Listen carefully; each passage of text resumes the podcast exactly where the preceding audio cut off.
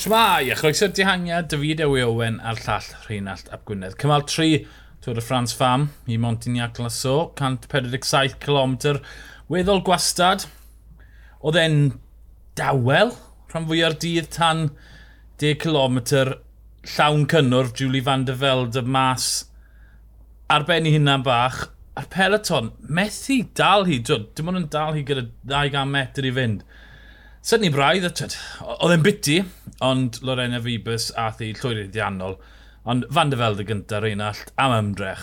Ie, yeah, 57 km ar y blaen. Y cyfnod na, lle oedd yna ddwy ddringfa'r Andrea a'r San Robert, Cat Pedwar, yn dod yn gyflym iawn ar ôl ei gilydd. Felly oedd e'n fan da iawn i ymosod. SD Works yn cael awr popeth ond i hymosodiad hi agorodd i bwlch a'n eitha cyflym, a wedyn ni'n para tan 200 metr o'r linell. O'n i wir yn credu y bysau hi'n ennill honna, achos roedd yna gymaint o ddiffyg cydweithio ymysg tîmau'r gwybwyr. Dyma DSM oedd yn mynd â hi am gymaint o gilometre, a pawb arall yn pwyso arno nhw, ond SD Works, wara hi mor cool, tywa, yn dod mlaen gyda rhyw 3 km i fynd, a wedyn ni dyna pethau yn twymo a hwnna oedd um, yr amen fi'n credu ar gyfleon fe'n dyfelda heddi. Achos, ie, yeah, mae ma SD Works yn gwrthlo wneud y gwaith. Ond nhw'n wneud y gwaith yn gynharach yn y cymal,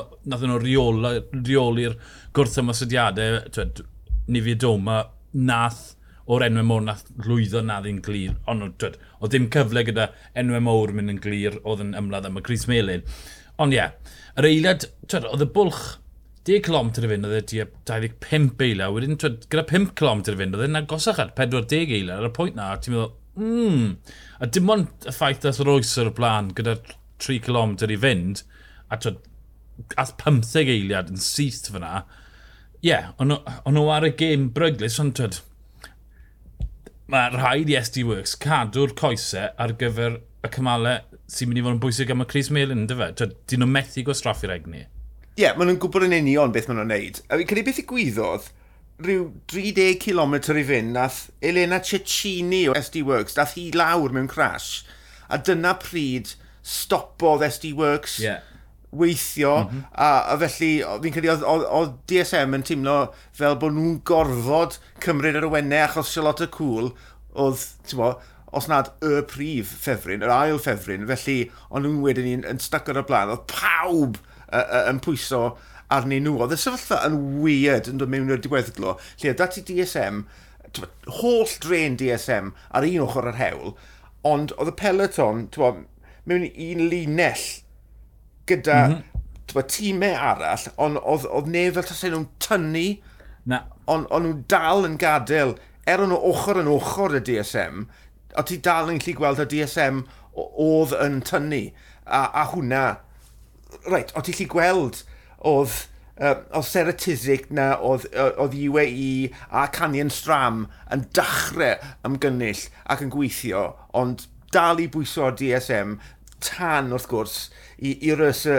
a wedyn i Bryd y Brydfold dod mlaen, a wedyn ni nath osgo y peloton newid yn gyfan gwbl, a wedyn ni'r cyflymdra fel tas y pawb mynd, o oh, reit, mae'r sprint mlaen nawr, yeah. mae ma SD Works wedi dod i'r ffrant. nath e newid o siap bric i saith mewn yeah. eiliad, a wedyn Do. sydd oedd y nôl to nath y bwlch sefydlogi, a wedyn mm. Lidl yn dod trwyddo yn y kilometr ola, 700 metr i fynd, a wedyn chwalu'r bwlch dod rownd y gornel ôl yna, wedyn dath y Cris Melin gyda Cris Pencampo'r Ewropydd yn yr olwyn. Ie, yeah, dath fos mas i'r gwynt, a ddi'n disgwyl dda, ond ti'n cael y timlad o fi bys heb hyd yn oed mynd gant y cant. Oedd hi'n disgwyl yn ymlacedig, oedd just, roedd ei cic bach, un arall, just i agor y bwl chydig mwy, a oedd hi'n disgwyl yn cyfforddus. Dyna'r peth, yr ail gic na oedd yr amen ar uh, ymdrechion o, fos, ond o'n nhw ochr oedd ochr gyda Copecki yn y canol, wrth gwrs. Ond wedyn ni, ie, yeah, oedd ti'n gweld yr ail gic na a hwnna hwnna oedd hi, a oedd e yn, oedd e yn gyfforddus. So byd mlaen i gymal pedwar nawr, mae ras yn newid fori. Yn benna oherwydd, twyd, mae'n 177 km, mae hwnna yn agos i ter i'r uchafswm o gilometre sy'n gallu bod yn y rases mynywod ac yn y diweddglo mae yna 2 gat 3 1 cat 2 eiliadau bonus ar y hewl y gyd, twyd, rhynna i gyd yn o fewn y 30 km diwetha. Mae'r ddringfa ola faint yw e? Mae'n 2.3 km 7 y cant gyda rhyw 5 km yn weddill, felly dryd, o styried mae yna ddringfeidd, mae yna eiliadau, mae yna ymosodiadau mynd i fod. Mae'n sicr mae y ffefrynnau mae Chris Melin sy'n mynd i ymosod fori. O, oh. o, oh, sy'n dawt am ni, sy'n dawt am ni. Uh, Twa, heb law am... Twa, uh, cymal clasurol i'r dosbarthiad, ti'n di ar y to, mele. Cymalau fel hyn, sydd yn agor y drws am, am, am fylchau. Dim gwyb yn agos i'r peth, fori. Uh, diweddglo fel y ti wedi disgrifio yn anodd iawn, a wedyn ni, ti bod, hanner kilometr dros 800, y cic na ar y diwedd hefyd. O oh, ie, yeah. ngofis yw'n na. Ie, yeah, mae'r diweddglo am ni fod yn ffrwydrol dros ben A fi'n credu bydd pobl yn am, am, amlwg bod, y, y ffefrynnau mawr a dwi'n rhoi clasio niwio doma yn enwedig mewn i hon. Bod, diwrnod fel hyn, bod, rhywun sydd yn hoff iawn o rasio ffrwydrol, ti'n bod, bydd hi'n llyfu gwefusau i, i geisio cymryd eiliadau dros pobl arall. Ie, yeah. a ti'n edrych o'r pwynt uh, uh, wyb ganolig da rhyw 43 km yn weddill. Maen nhw'n mynd oddi ar y hewl fawr a mae'n droellog. Maen nhw'n hewlydd cefn, maen nhw'n troi, maen nhw'n lan a lawr, does dim gwastadur. Felly twyd, mae e fel rhasys undydd, mae yna le i ymosod ar eiliad ti'n mynd o'r amgylch y gornel, twyd, mae pawb di'n nghofio amdano ti. Y cwestiwn yw, twyd, fel rhan fwyaf o'r rhasys menywod, twyd, SD Works, pa dacteg maen nhw'n wneud. Twyd, pe basa fe'n ras undydd, bydde ti'n meddwl, oce, okay, mae Rws uh, yn mynd i ymosod gyda rhyw 30 km i fynd, a twyd, y gweddill y Dom Steaks, ond twa, mae hwn yn gyfle i fol yr enghell amser.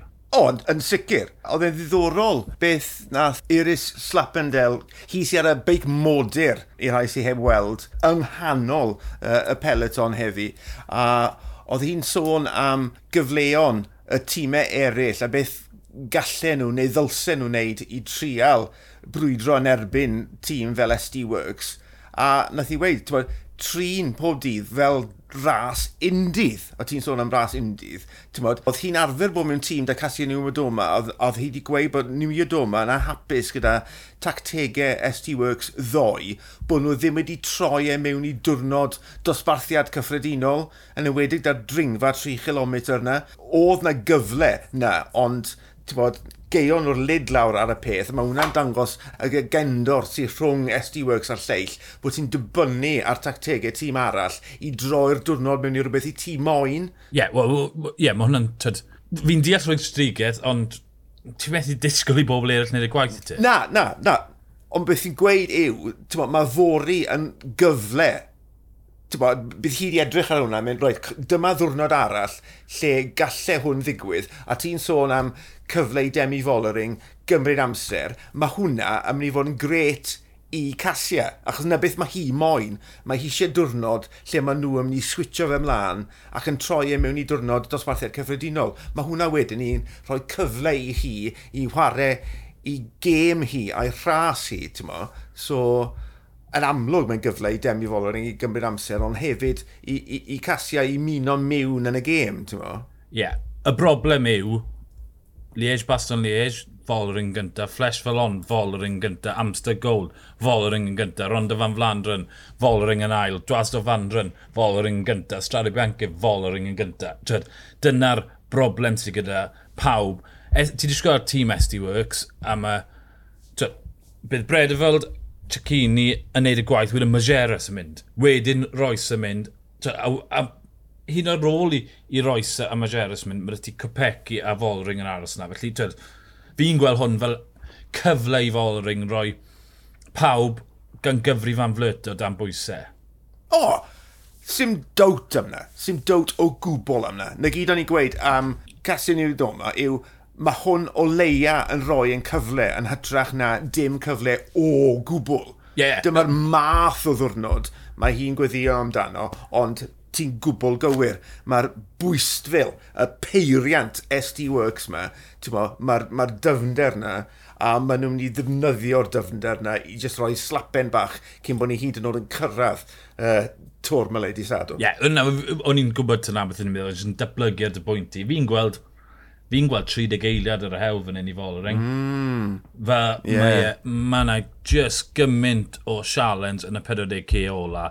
Yeah. Gant y cant. A o ystyried fain mor gyfforddus oedd hi'n disgwyl ddo yn arwen, ne, ie, yeah, ddo neu eich ddo, Twyd, yn arwen y wyb na mas. Ie, yeah, ddo, ie, yeah, ie. Yeah. O, ie, yeah. oedd e just mor gyfforddus. Oedd e'n disgwyl fel, Rolls Royce yn mynd rown, felly, ie. Yeah. Fi'n gweld 30 eiliad Ond, twyd, mae Van Flöte yn gwybod sut i baratoi. Mae'n 40 nawr, felly 20 mynydd y borfiad o baratoi, o wneud yn sicr bod y coes yna ar amser cywir, ond fod i gewn i weld os yw i'n gallu byw gyda Demi Follering. Byddwn ni'n ôl wedi'r cymal, a gobeithio bydd y linel yn gallu ymuno dyn ni os mae wedi trysio cyfrifiadur i. Ond o fi, Dewi Owen a'r llall Rheinald Llap Gwynedd, ni yw'r dihangiad, hwyl.